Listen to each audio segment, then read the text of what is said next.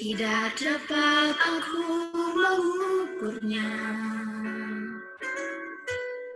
Atau dapat aku menghitungnya. Kebesaran kasih-Mu ya Tuhan yang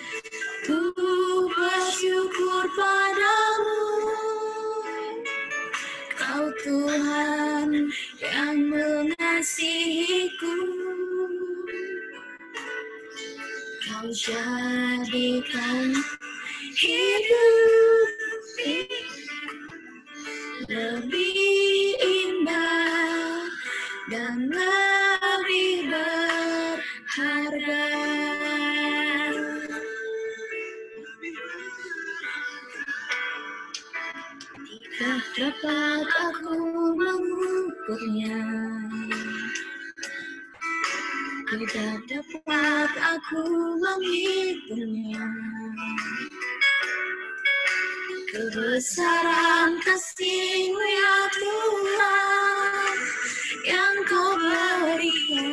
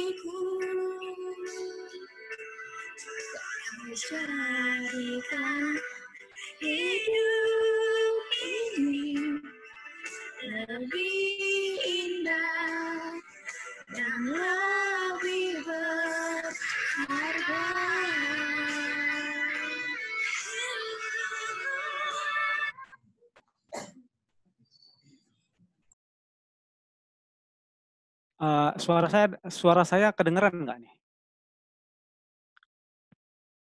Jelas nggak? Jelas nggak? Jelas nggak? Jelas, Jelas. Jelas. Oh ya. Jelas, Mari kita- Bang. Mari kita bersatu dalam doa. Demikian Tuhan, kami tidak dapat mengukur bagaimana kasih-Mu terhadap kami atas semua yang Kau berikan kepada kami, khususnya kesehatan Tuhan pada masa-masa saat ini.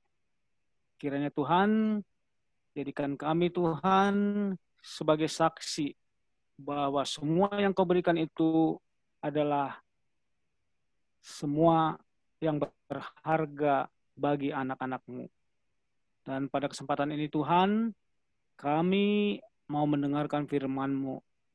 Kiranya Engkau berikan Tuhan keterangan, Kau berikan hikmat Tuhan, agar apa yang kami dengarkan nanti akan dapat menambah semangat, menambah pengetahuan kami, agar segala sesuatunya dapat kami lakukan sesuai dengan kehendak-Mu.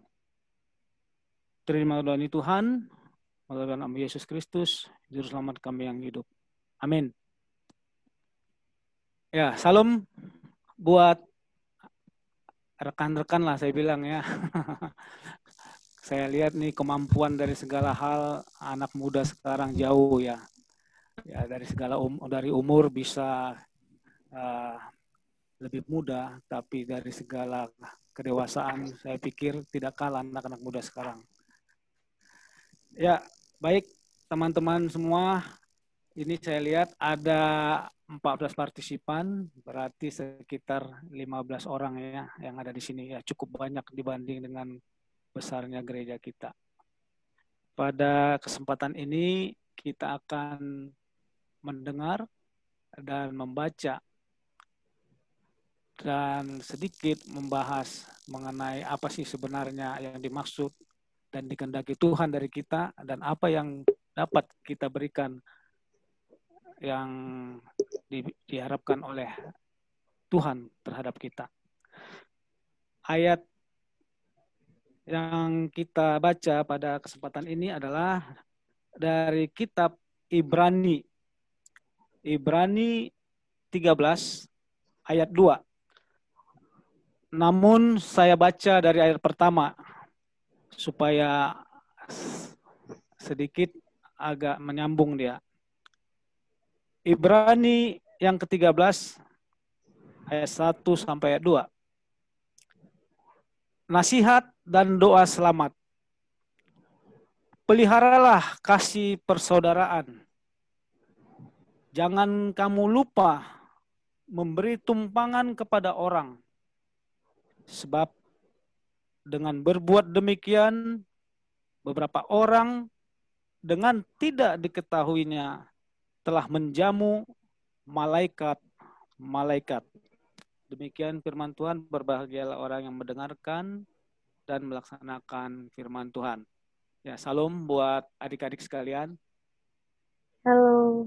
Ya, Halo. Uh, pada kesempatan ini uh, ayat ini kemarin dimintakan oleh pemuda supaya uh, ada tidak korelasinya supaya kita dengan kondisi sekarang ya kalau pemerintah menetapkan PSBB itu hanya untuk membatasi tapi pemuda sangat kontradiktif dalam hal PSBB yaitu malah memperluas tapi apa pun itu adalah memperluas yang sesuai dengan kondisi sekarang.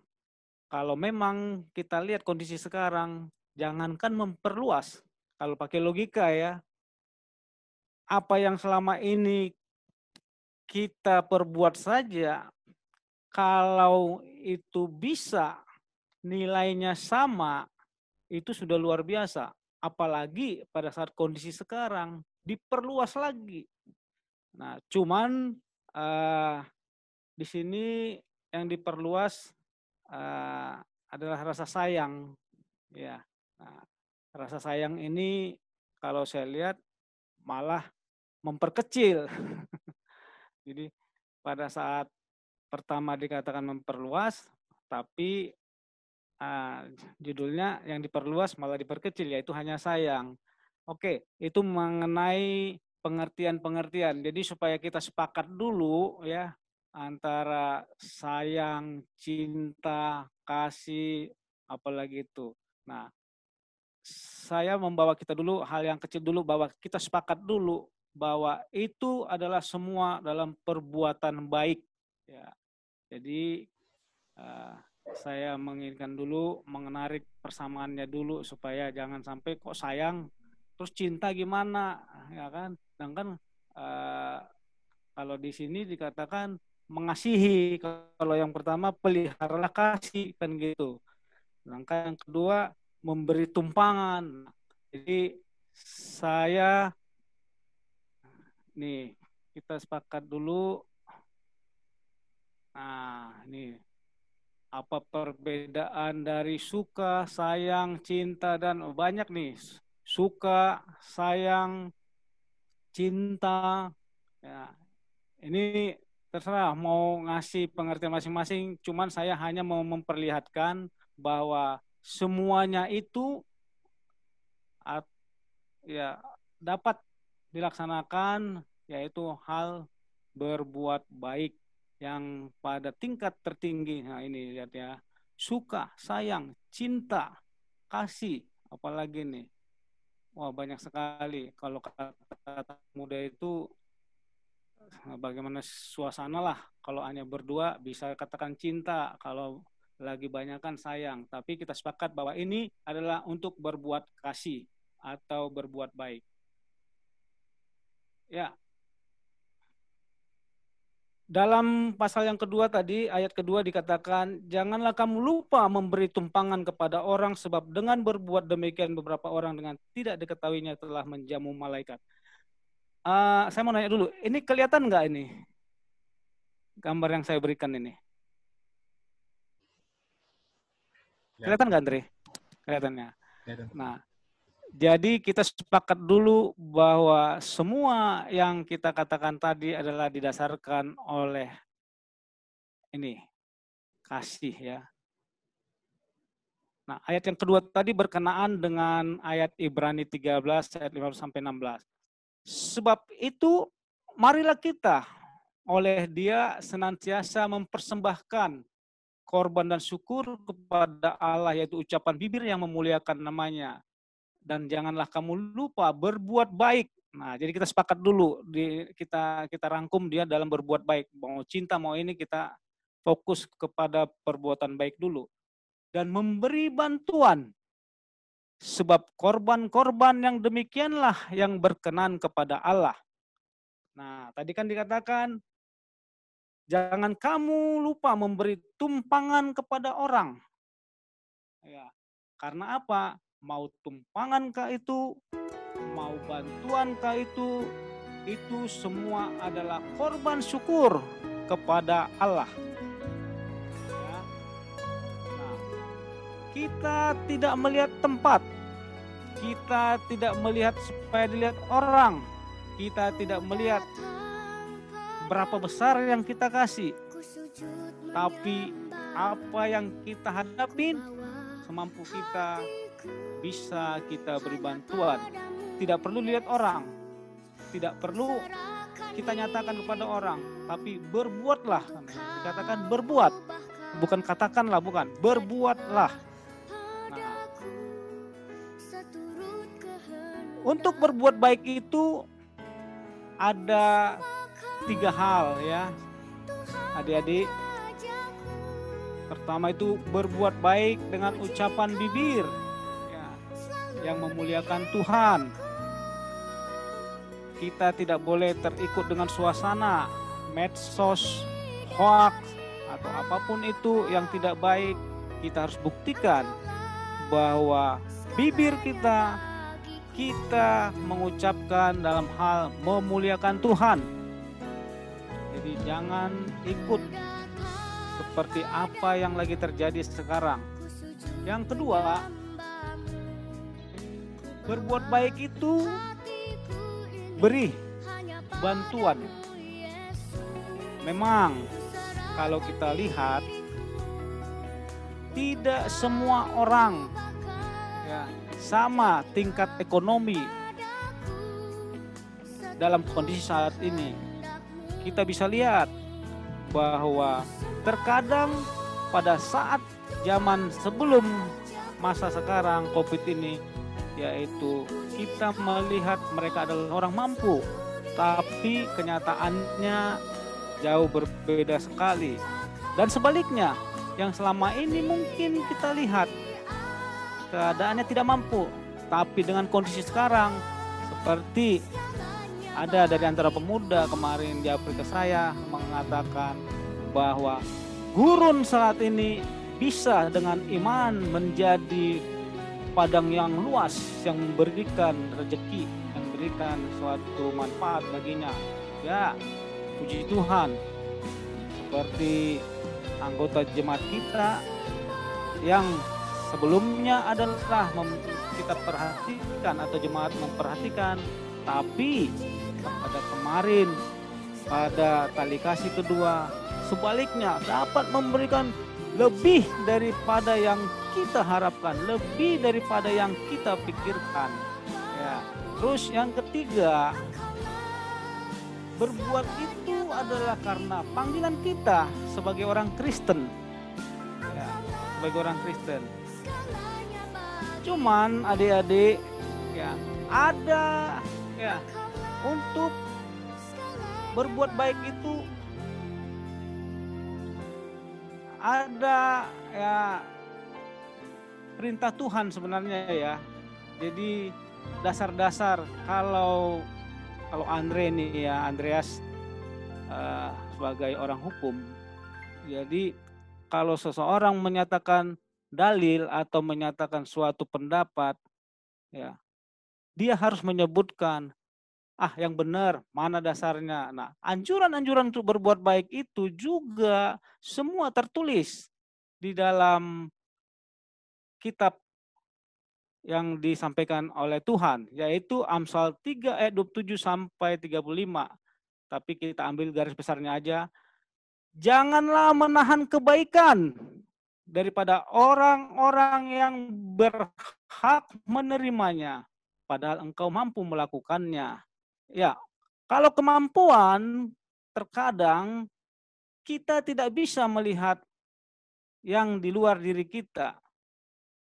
Tapi terkadang diri kita sendiri kita sering uh, berbohong bahwa sebenarnya kita mampu, tapi kita katakan tidak mampu. Namun pada saat-saat sekarang ini baiklah kita hanya melihat diri kita sendiri dulu kemampuan supaya apa adik-adik supaya tidak ada katakanlah menghakimi, memfonis seperti Masa dia kelihatan mampu tidak mau ngasih, akhirnya menghakimi. Karena Alkitab mengatakan bahwa janganlah menahan kebaikan daripada orang-orang yang berhak menerima padahal engkau mampu. Jadi kita, bukan orang lain ya. Jadi supaya kita tidak saling menghakimi, kita mulai dari diri kita sendiri. Kalau orang tidak memberikan, ya barangkali itu benar, tidak dapat melakukannya Kemudian, nah ini, janganlah engkau berkata kepada sesamamu, pergilah dan kembalilah besok, akan kuberi. Padahal kita masih punya. Bisa jadi memang ini pengalaman kita bisa jadi bahwa sebenarnya uang kita ada, cuman dia ketakutan kalau saya kasih nanti dia besok gimana ya, besok gimana ya. Tapi Alkitab mengatakan, jangan engkau berkata kepada sesamamu, pergilah dan kembalilah besok akan kuberi. Padahal yang diminta itu ada. Ya. Nah, kemudian janganlah merencanakan kejahatan terhadap sesamamu, sedangkan tanpa curiga ia tinggal bersama-sama dengan engkau. Jadi jangan kita berpikiran negatif, padahal dia itu tidak berpikiran apa-apa, tinggal dan berteman sama kita zaman sekarang ya kita harus tunjukkan bahwa apa yang kita tunjukkan itulah hati kita. Jangan di depan kita baik, tapi di belakang kita merencanakan kejahatan terhadap sesamanya. Kejahatan itu bukan bukan harus pidana yang barangkali menceritakan hal-hal kekurangan teman nantinya ke orang lain padahal yang diceritakan itu adalah tinggal bersama kita.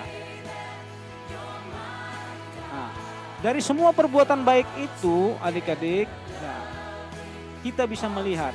Tadi kan uh, saya udah bilang bahwa kita harus sepakat dulu cinta, kasih, sayang itu itu macam-macam adalah intinya untuk berbuat baik. Untuk membedakannya, ya kita bisa melihat bahwa berbuat baik itu mempunyai tiga level. Nah, ini kondisi pribadi kita tidak dipungkiri ya ini sering terjadi bahwa niat atau motivasi untuk melakukan baik itu ada tiga jadi apakah itu? Pertama dia melakukan perbuatan baik karena takut hukuman. Ya, misalnya ini yang lagi punya teman yang mau katakanlah lagi pacaran dia takut ngambek pacarnya. Ah dari pacar dia ngambek saya baikin nih saya beli bunga aja daripada dia ngambek dia takut. Nanti kalau ngambek saya diputusin nih kan gitu kan. Nah itu karena takut. Ya itu berbuat baik karena takut. Yang kedua dia berbuat baik karena ingin mendapatkan yang lebih baik. Seperti dikatakan di Alkitab, kalau kau menginginkan supaya dapat yang baik, maka engkau memberikan yang baik, berarti upahnya sudah selesai sampai saat itu. Ya. Jadi jangan ada embel-embel adik-adik bahwa untuk mendapatkan yang baik itu supaya saya mendapatkan yang baik. Kenapa? Ya. Barangkali ada adik-adik yang di, sedang di pekerjaan, katakanlah bekerja pada orang, pada saudara, pada teman, ataupun pada perusahaan. Ya. Terkadang dengan tujuan untuk mendapatkan yang baik, akhirnya apa yang ada adalah ya eh, kecewa, kekecewaan. Tidak sedikit dari kita pada saat katakanlah bekerja sama dengan saudara atau bekerja sama atau bekerja di kantor kita merasakan bahwa apa yang kita dapatkan itu tidak sesuai seperti apa yang kita inginkan. Percuma saya memberikan ini. Ternyata perusahaan hanya memberikan gaji saya tidak naik-naik. Akhirnya apa? Ada kekecewaan. Demikian juga kita berteman atau dengan saudara. Ah, tak ada dinilainya semua kebaikan-kebaikan itu. Padahal aku udah capek, udah ngasih semua. Akhirnya apa? Yang ada kekecewaan. Berarti itu adalah perbuatan baik dengan syarat. Ya. Yang ketiga, bahwa dia berbuat itu karena kasih. Jadi di sini levelnya yang kita bisa lihat bahwa semua berbuat baik itu bisa diperluas yang tadinya hanya untuk sekedar baik kita dapat memperluas bahwa perbuatan baik itu karena karena kasih. Kenapa? Kalau perbuatan baik karena kasih itu yaitu sejajar. Tidak ada yang merasa memberi dan tidak ada yang merasa berhutang. Dia memberikan semuanya itu adalah karena kasih. Kasih tanpa syarat. Apa pun yang terjadi, saya akan memberikan. Demikian juga adik-adik pada kesempatan sekarang ini. Jangan memberikan sesuatu, katakan memberikan rasa sayang, memberikan rasa, rasa cinta, memberikan suatu bantuan, dengan dasar syarat-syarat-syarat. Nanti misalnya nih, aku kalau ku kasih pacarku ini nanti sering-sering ke restoran atau ku kasih makan, ah takutnya tak jadi pula sama aku, katanya gitu kan, rugi ya Wak, kan gitu. Nanti ku temanin lah dia ngerjain PR atau menyelesaikan yang lagi kuliah nih. Ah, nanti takutnya pas wisuda lari pula cewek ini rugi pula awak kan gitu yang ada kecewa nah itu memang ada dan sering terjadi. Ya. Memang kalau kita melihat hal-hal seperti itu maka kita sangat-sangat hati-hati dan bahkan sangat melihat bahwa ini orangnya bagaimana ini? Kalau saya kasih ini gimana ini? Nah demikian juga wanita. Ya. Kalau berbuat sesuatu terhadap pacarnya, ah takutnya nanti ketemulah dia dengan wanita yang lebih cantik di sana itu. Tak jadi sama aku, rugi aku, udah banyak bantuanku. Nah, jadi apa yang ditekankan di sini adalah bantuan-bantuan itu karena kasih, yaitu tanpa syarat, sejajar antara yang diberi tidak merasa punya utang atau tidak merasa punya uh, imbalan dan yang diberi tidak merasa berhutang jadi sejajar tanpa syarat kemudian adik-adik nah ini sebenarnya maaf ini ketua kira-kira berapa menit saya dikasih waktu takutnya kelamaan juga berapa menit lagi so bisa tulang berapa berapa menit lagi? Berapa menit lagi saya punya waktu? 5 10 tuh lah. 10 menit. Ya. ya. Nah, adik-adik, nah di sini uh, dari segala hal-hal yang berbuat baik itu berarti rasa sayang itu bisa diperluas. Diperluas sampai eh, perbuatan yang level-level kasih. Nah, pada kesempatan ini apa yang bisa kita perluas? Ya. Kasih itu. Bagaimana caranya? Sebenarnya perintah Tuhan yang pertama tadi peliharalah kasih persaudaraan. Kalau sudah kasih persaudaraan, saya yakin dan percaya bahwa level keluarga, level persaudaraan itu itu bisa akar merakar dan dapat menjadi luas. Kasih persaudaraan itu apa saudara? Ya, persaudaraan itu adalah istilahnya Philadelphia.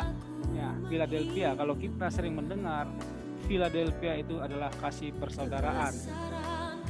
Apa sih persaudaraan itu? Ya. Kita menjadi saudara bukan karena hubungan darah daging. Ya. Persahabatan itu adalah yang sangat karib, berpaduan jiwa. Seperti Yonatan dan Daud ketika Daud habis berbicara dengan Saul, berpadulah jiwa Yonatan dengan jiwa Daud dan Yonatan mengasihi dia seperti jiwanya sendiri. Berarti apa yang kita berikan membuat suatu pertemuan menyatu yang memberikan merasa senang, yang yang diberikan juga merasa berguna sehingga bisa menyatu. Seperti Alkitab bilang 1 Samuel 18 ayat 1 mereka seperti menyatu seperti jiwanya sendiri tapi satu jiwa. Dan kemudian adik-adik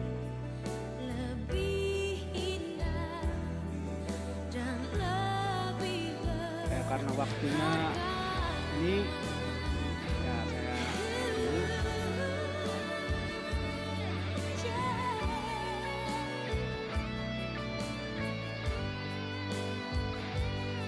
Ya, buat adik-adik, pada kesempatan ini dengan keterbatasan kita masing-masing, jangan pernah, jangan pernah pertama mengharapkan sesuatu bantuan dari orang-orang yang kita anggap mampu. Ya, karena apa? Ini nanti membuat kita saling menghakimi tapi berusahalah. Apa yang dapat dilakukan saat ini? Hal-hal kecil saja. Seperti eh, sebagai contoh nih adik-adik bahwa saya sendiri pada saat kondisi covid ini itu sangat merasa merasa eh, sangat sangat membutuhkan sesuatu. Membutuhkan sesuatu itu orang lain berupa materi ada yang merupakan suatu pemacu semangat ada yang memberikan suatu nasihat. Nah, saya sendiri merasakan itu pada saat zaman covid sekarang bahwa saya merasa ketakutan. Saya merasa ketakutan.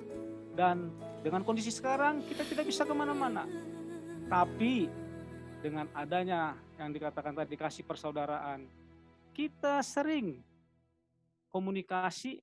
Ya, saya sendiri komunikasi apabila bisa ketemu, ketemu dan kita berbicara apa yang terjadi. Ternyata nah, apa yang kita rasakan, apa yang kita rasakan beban berat, ternyata teman kita itu mempunyai lebih berat dari kita. Sehingga apa? Sehingga kita bisa melihat bahwa oh Tuhan, ternyata saya memikirkan diri saya sendiri. Saya sangat egois. Saya katakan diri saya susah ini. Ternyata ada saudara saya yang lebih susah. Akhirnya apa? Justru yang merasa atau yang kondisi lebih berat itu menasehatin saya. Ya. Dia tidak memberikan sesuatu. Saya tidak memberikan materi kepada dia. Tapi pada saat pertemuan itu saling menguatkan. Ya, kondisi sekarang kita tidak bisa menilai dari segi materi aja, adik-adik. Saya sendiri merasakan itu, dinasehatin, ya begini-begini, kita harus begini, kita harus berserah. Bayangin, saya calon sintua saja membutuhkan suatu nasihat dari orang yang lebih susah dari saya. Ya, kita jangan melihat orang lain yang lebih ini dari kita. Ya, ini kesaksian saya. Saya suka sore-sore itu jalan main ke ke ke dekat Villa Gading Harapan sana itu. Ya, kalau kayak Priska misalkan tahu di sana itu. Saya jalan-jalan saya lihat di sana orang kita Batak sore-sore jual ikan asin, jual itu ya. Kita sering ngobrol. Justru dia yang menguatkan saya. Saya pikir saya yang lebih berat. Ternyata dia menguatkan saya. Berarti apa? Sekecil apa pun ya yang kita hadapi sekarang itu bisa memberikan hal yang lebih besar dari kita, baik motivasi, baik semangat, baik penguatan. Demikian juga adik-adik ya. Jangan melihat bebanmu sendiri. Lihat yang lain supaya apa? Sering ketemu, saling menguatkan. Ya. Jadi dengan saling satu orang menguatkan yang lain bisa diperluas lagi bisa menguatkan yang lain ya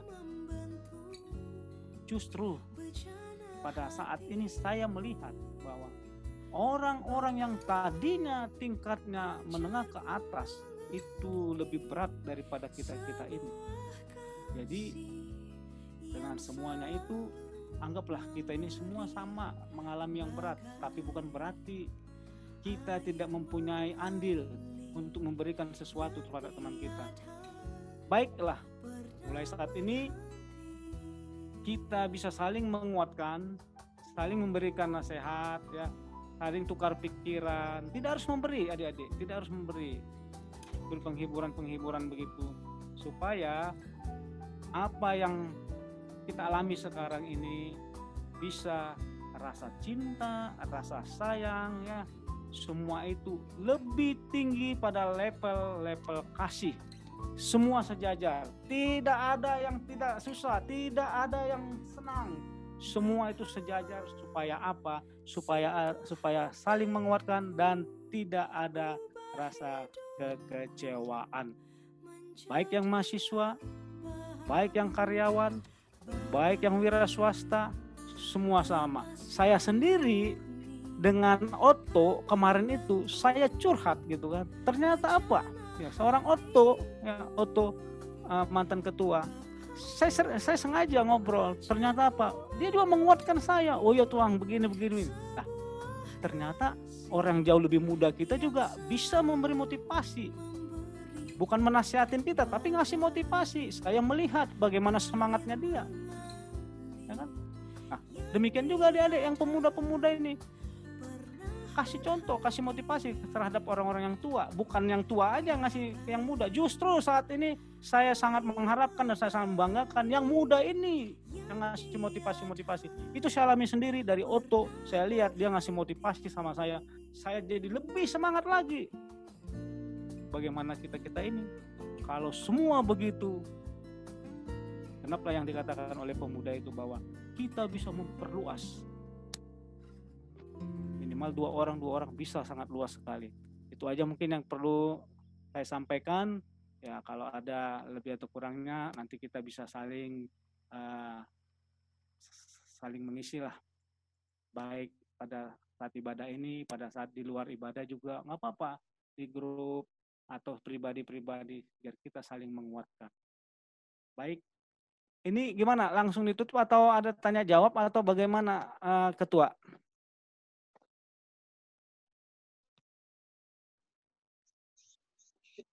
Oh ini moderator, moderator, maaf. Mungkin abang kakak ada yang mau sharing atau bertanya kepada tulang kami? Nah, maksud saya tentang masalah ada ada ada ini nggak? Ada ada waktu khusus kan? Kayak tadi saya lihat tuh ada untuk sharing ini ini waktunya khusus atau disatuin sama sama Jamita ini ambilan ini ditutup dulu baru ada acara sharing-sharing atau bagaimana ini moderator?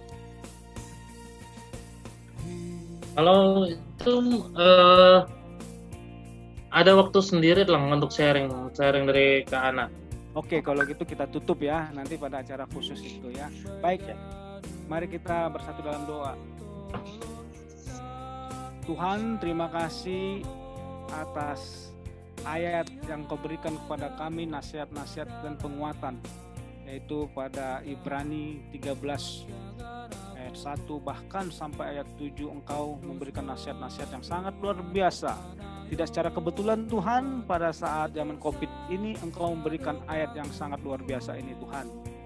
Tuhan apa pun itu Tuhan yang kami dengarkan jadikanlah itu menjadi penguatan buat adik-adik kami, buat keluarga-keluarganya dan buat kami juga orang tua Tuhan. Supaya kami juga tidak kalah dengan anak muda dalam hal penguatan iman kami Tuhan dan saling mendorong motivasi untuk menghadapi hidup ini supaya kami juga saling melengkapi yang kuat terhadap yang lemah, yang lemah terhadap yang kuat, saling melengkapi Tuhan. Demikian Tuhan, kiranya jadikanlah firman ini menjadi kekuatan buat kami di dalam acara pertemuan pemuda ini. Terima kasih Tuhan Yesus. Amin.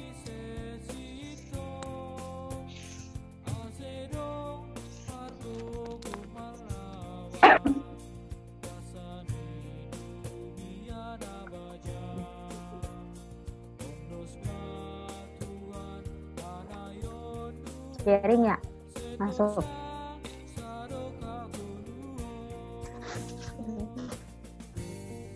Nah, karena untuk sharingnya. Nah, eh, pesan yang disampaikan pada kita tadi melalui khotbah itu itu sangat menarik. Saya setuju dengan eh, menyangkutkan ayat yang pertama itu jadi katanya kan pelihara kasih persaudaraan. Jadi kita harus tahu dulu di dasarnya ini kenapa kan kita harus mengasihi orang. Nah, ketika kita melihat dari King James Version itu tuh ada tulisan love love continue. Artinya kan e, cinta itu terus berlanjut yang memiliki arti bahwa kasih itu e, harus kita lanjutkan di sini tuh Paulus mengasumsikan bahwa orang Kristen udah dari dulu tuh ada cinta, ada kasih, kasih persaudaraan. Dan di ayat kedua itu kan dijelaskan bahwa jangan kamu lupa. Jadi kan intinya kita harus paham dulu nih bahwa dalam diri kita itu tuh ada kasih yang sudah Tuhan berikan kepada kita. Love continue. Tinggal kita meneruskan. Meneruskan kasih itu tuh gimana kepada orang sesama ciptaan Tuhan tuh seperti apa. Itu yang pertama yang perlu kita tekankan bahwa kasih itu, bahwa cinta itu sudah ada sebenarnya dalam diri kita itu. Nah, kalau untuk sharing kesaksian, hal yang mendasar itu uh, saya mengambil dari uh, gereja kita misalkan uh, ada kan eh, PHMJ itu yang udah mulai berhasil memberikan bantuan ke jemaat kita sendiri secara internal baik uh, dalam sembako ataupun dalam uh, keuangan juga ya tulang ya dalam materi.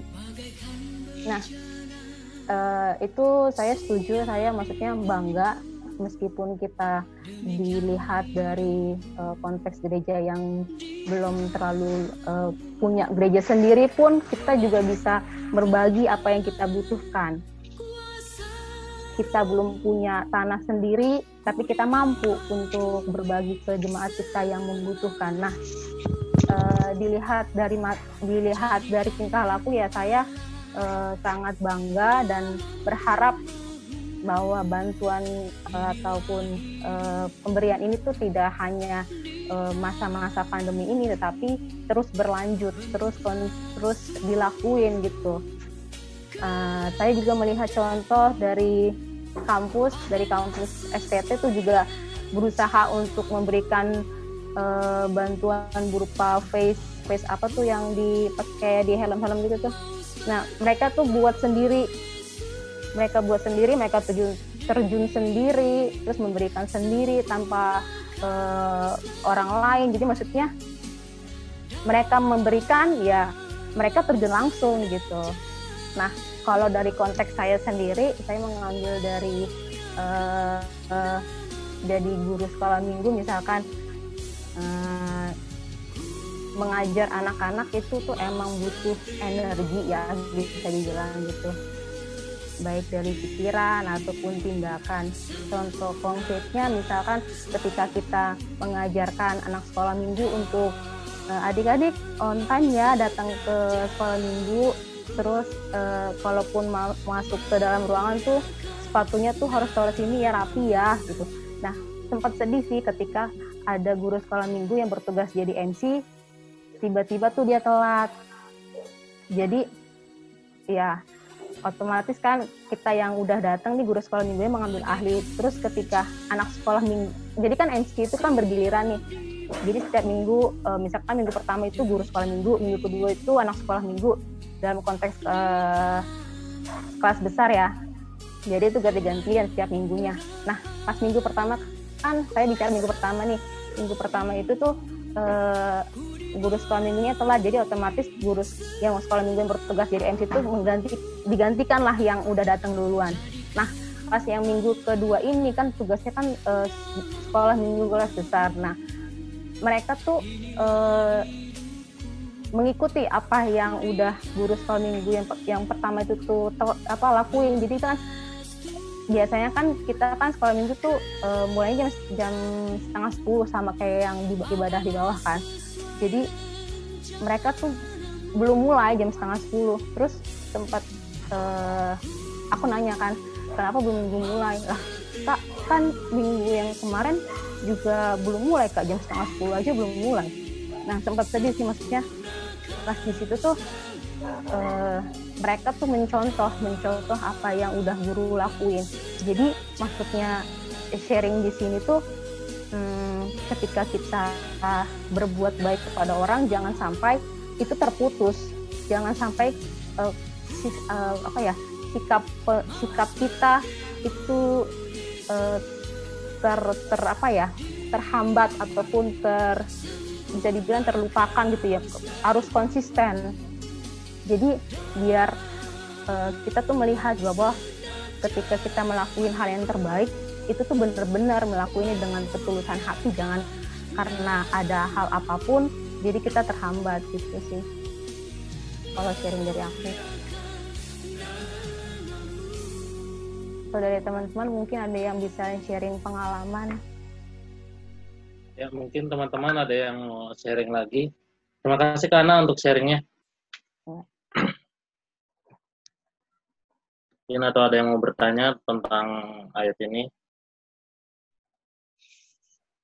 Aku mau Halo, nanya sih. Aku tadi mau nanya sih. Apa tuh, Dok? Uh, Ya, pertama-tama uh, makasih kesempatannya ya yang udah dikasih sama abang MC kita. Nah, uh, aku mau nanya uh, ke Pak Anggi. Pak Anggi, aku mau nanya dong. Uh, case-nya di sini tentang memberikan kasih dan memperluas kasih terhadap sesama ya.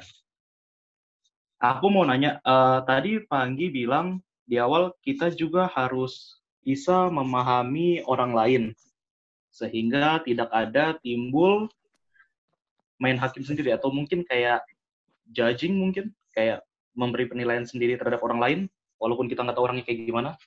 Nah sekarang kalau case-nya begini Pak Anggi, uh, kita kondisinya di awal uh, berusaha memahami si teman kita yang satu ini. Uh, di awal di awal memang niat kita ingin menolong gitu di case itu.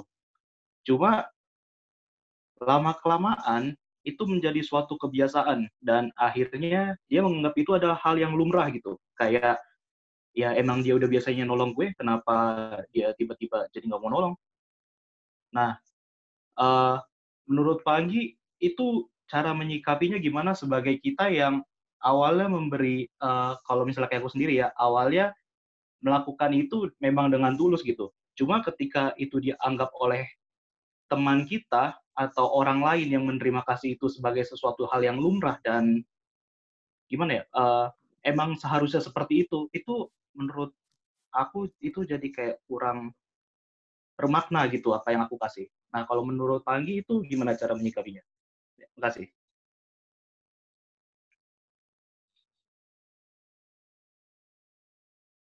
uh, mungkin bisa ter ini ya Itu berupa apa? Materi, waktu, bantuan tenaga, atau apa itu? Ago. Uh, case-nya bukan cuma satu sih. Uh, bisa jadi materi, bisa jadi waktu, bisa jadi energi, berbagai macam pagi. karena case-nya bukan satu tapi ya kira-kira seperti itu gambarannya. Kalau menurut saya, ya, kalau menurut saya, tidak semua orang mampu memberikan bantuan. Ya, tidak semua orang.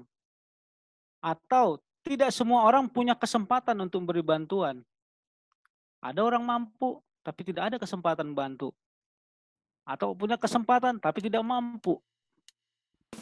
Nah, sekarang coba dilihat, itu bantuan yang diberikan kita itu apa nilainya buat dia. Katakanlah kalau kita tidak bantu, dia terpuruk. Atau kalau kita tidak bantu, dia lapar. Kan begitu. Nah, kalau menurut saya, janganlah bosan-bosan memberikan bantuan apabila kita memang mampu dan punya kesempatan. Masalah dia bagaimana bagaimana, ya itu kan kita tidak bisa katakanlah ah kau bantuan kasih ternyata begitunya kau. Nah kita kan menghakimi dia juga kan? Nah, kalau menurut saya tetap aja. Nah, tapi jangan sampai ya memberikan bantuan itu akhirnya mengorbankan diri sendiri. Ini kan harus sejajar kasih itu kan bukan bukan harus mengorbankan diri sendiri. Akhirnya apa? Itu yang ada perbedaan tadi kalau di di pengertian tadi rasa cinta. Nah, kita mencintai kadang-kadang mengorbankan diri. Ini kan kasih. Kan begitu. Nah, kalau merasa Aldo masih mampu ya berikan aja. Tapi jangan sampai Pak minta dari Bapak masih ke sana nggak tahu bapak juga ke sana ke sini muter-muter kepala cari duit. Nah itu kan udah salah. Berdasarkan uh. kemampuanmu aja. Jadi jangan sampai dari orang tua kamu memberikan bantuan itu. Dan dia mungkin melihat pola hidup dari Aldo. Ya orang juga yang yang yang minta bantuan itu karena dilihatnya itu Aldo itu punya kan gitu. Nah kalau bisa ya saran kita nih. Jangan sampai orang tahu kita punya duit dan kita tidak punya duit. Akhirnya apa? Tepat waktunya. Kalau misalkan dia minta bantuan dia juga tidak mengharapkan harus dari kita atau dia tidak akan kecewa kalau kita tidak berikan bantuan. Yang dilihatnya pola hidup kita itu seperti itu. Makanya dia sangat mengharap sekali. Nah, itu saran saya. Kuncinya mau punya duit mau nggak punya duit jangan sampai teman tahu supaya apa tepat pada waktunya dan pada saat kita menolak ngasih pinjem dia juga tidak merasa kecewa. Itu aja mungkin dari saya Aldo.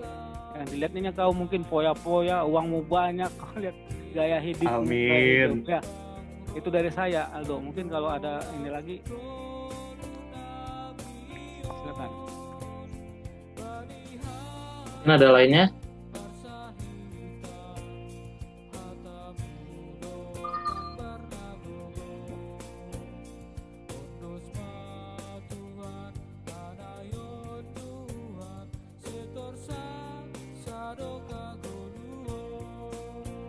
tambahan Aldo kalau kalau misalkan itu materi dan kalau tenaga dan pemikiran kalau kalau tenaga masih mampu Aldo ya justru kalau sering memberi bantuan ya biasalah. Kalau mahasiswa membantu bikinin tugas bikinin paper ya jangan nilai itu. Tidak digaji pun bantu aja karena itu menambah ilmu kita makin sering kan gitu. Tadi kan Aldo bilang materi mau bantuan tenaga mau ini kalau hal-hal di bidang profesi sebagai mahasiswa tetap aja kasih aja terus malah apa yang kita kasih bantuan berupa tenaga untuk membantu buat skripsi, membantu buat paper, apa itu. Nah, itu malah yang kau kasih itu, itu malah nambah menambah ilmumu itu. Ya. Terus terang waktu saya waktu saya uh, berpendidikan di itu itu banyak teman bapak-bapak mahasiswa itu uh, pegawai-pegawai Telkom apa pada saat saya ngambil tesis di Universitas Pajajaran. Malah saya senang kalau mereka minta ini karena apa? Ilmu-ilmu mereka itu dapat sama kita. Ya, kalau dari segi tenaga dan pikiran itu tambahannya Aldo ya.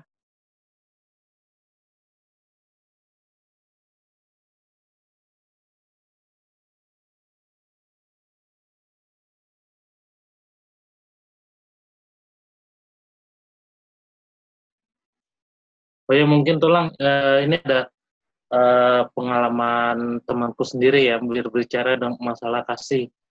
Eh, kita sama-sama dulu di Surabaya ma- jadi mahasiswa. Eh, kita kan saling yang namanya tolong menolong. Ketika teman kita lagi berkesusahan, eh, kita selalu mem- memberi tebengan atau misal memberi mendukung lah istilahnya.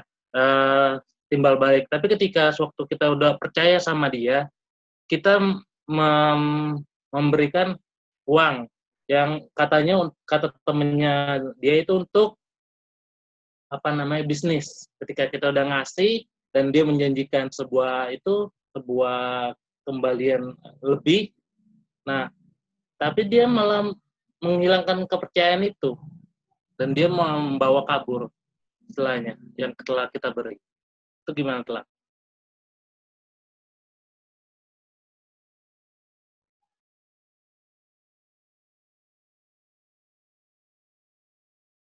Gimana gimana? Eh, dia minjam duit. Coba coba coba coba. ya dulu. eh, dia dia dia, awalnya akan membilang "Mi- minta dulu duitmu 5 juta ini untuk bisnis nanti kembalinya bakal lebih tinggi daripada ini memang sih di awalnya dia mengajarkan ke kita itu apa namanya ilmu bisnisnya bagaimana kita belajar trading segala macam tapi lama kelamaan dia menghilang dan uang itu juga menghilang gimana tuh Ya. Ada dua hal ya. Dia bisa-bisa benar dengan prediksi, dengan ilmu, dengan keyakinan dia, dengan pengalaman dia bahwa bidang ini pasti bisa. Ternyata gagal. Itu yang pertama. Yang kedua, bahwa dia sebenarnya melihat, wah coba-coba aja dah. Nanti resikonya kan bukan uangku, bisa. Nah itu itu juga nakal. Nah, yang saya ini kan ya buat buat buat ini Prabowo ini Prabowo ya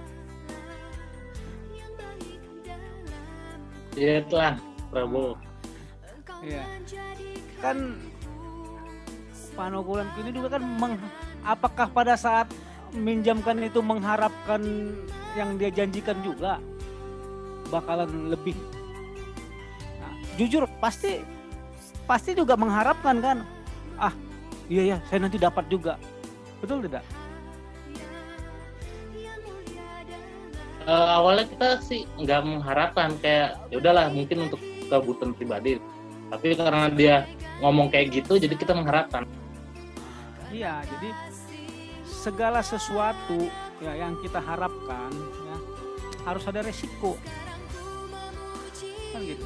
Tapi kalau tidak mengharapkan, saya yakin pasti nggak mau. Ah, kau yang ini masa uangku kan gitu. Tapi karena mengharapkan harus seimbang dengan resiko. Jadi misalkan gini lah, kita mau berusaha dari aku ya, Setian. Kalau kita hanya mengharapkan ininya aja, oh itu bukan bukan itu namanya. Jadi, nah ini ini ini juga buat kita semua ya. Kalau kita berbuat atau mengorbankan atau modal apa pun itu, walaupun sudah diyakinkan orang, tapi harus ingat itu 50-50 siap ber, ber, eh, untung 5 juta tapi siap uang 5, 5 juta hilang. Kan gitu. Nah, tapi kalau saya lihat ya kalau lihat cerita ini kawanmu itu memang memanfaatkan. Ah nanti kalau berhasil kayak bisa bagi kalau nggak berhasil kan resiko resiko bukan saya kan gitu. Jadi ya saran saya eh, gimana ya? Ikhlaskan aja itu cuman lihat aja dia kalau dia misalkan minimal lah kalau dia punya itu lagi jangan sampai ada korban-korban seperti Aldo. Kan gitu orang-orang dekatnya ceritakan aja nggak apa-apa. Atau di depan temannya yang misalkan dia mau berusaha itu langsung tagih gitu. Jangan sampai dia untuk usaha lagi ada sebenarnya tanggung jawabnya terhadapmu kan masih ada. Gitu. Tapi kalau misalkan katakanlah dia jual baju celananya juga nggak nggak bisa dia bayar ya berdoa aja lah kan gitu. Tapi lihat aja ikutin terus nggak apa-apa. Utang pun kita harus tagih ya. Kalau tidak diikhlaskan karena ini kan tidak ikhlas kan? Supaya apa? Siapa tahu dia juga ada niat baiknya kita nggak positif. Ya, kita ingatkan aja terus kita ingatkan ingatkan terus terkadang kan memang dia langsung delete dia ganti nomor supaya tidak bisa kita hubungi. Tapi kita kan uh, berpikiran positif mudah-mudahan dia bisa uh, bisa bayar lagi. Karena kalau kita ingatkan itu ya nanti kalau ada saya bayar. Nah, mudah-mudahan dia kan usahanya ada lagi. Tapi kalau kamu berdoa pasti saya yakin percaya dia bayar itu. Karena dia juga kan pasti melihat lah ya kondisimu ya bukan karena kelebihan ya. Karena uh, dia juga teman ini juga kan mengharapkan juga. Tapi kalau dipaksakan pikir yang ada kecewa nanti. Mengharap aja lah mengharap ya. Tapi jangan lupa ingetin terus ingetin terus ingetin terus. Itu aja mungkin ya. Dan saya juga pernah mengalami itu sampai saya lupa. Nah setelah lupa sudah 10 tahun ini anak saya si Ani belum ada. Ya kita pada tahun pertama kedua mengharapkan ah udahlah lupa itu. Andre udah umur 10 tahun dia datang untuk ini utang saya dulu 5 juta. Tuh. Jadi ya memang kondisi begitu bisa terjadi. Makanya jangan sampai kita mengutuk dia ya. Jangan sampai mengutuk dia. Ya udahlah mungkin dia nggak sanggup. Eh dari Andre belum lahir sampai Andre umur 10 tahun dia baru datang. Kucuk-kucuk. Ini utang saya dulu. Dibayar dia lebihkan lah. Itu pengalaman do ya.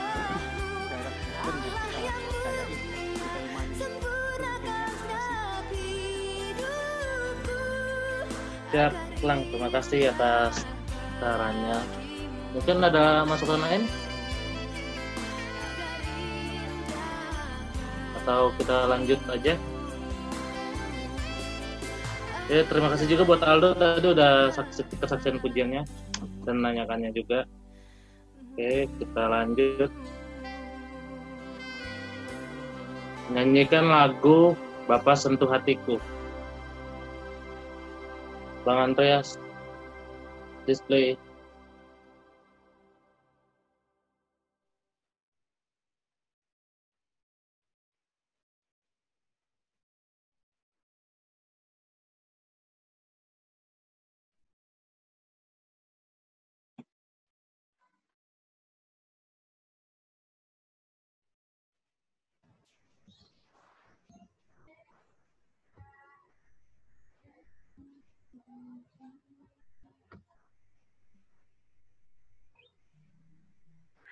Segala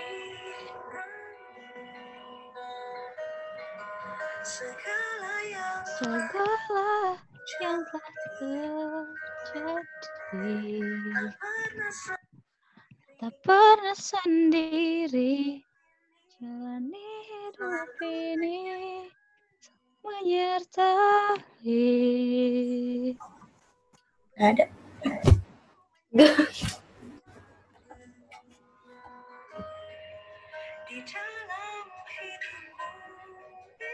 Ini Kau selalu memberi rancangan terbaik oleh karena kasih. karena kasih unstable sentuh hatiku uh, ku baik. menjadi yang baru. Bagai emas yang murni murni kamu yang membentuk rencana hatiku.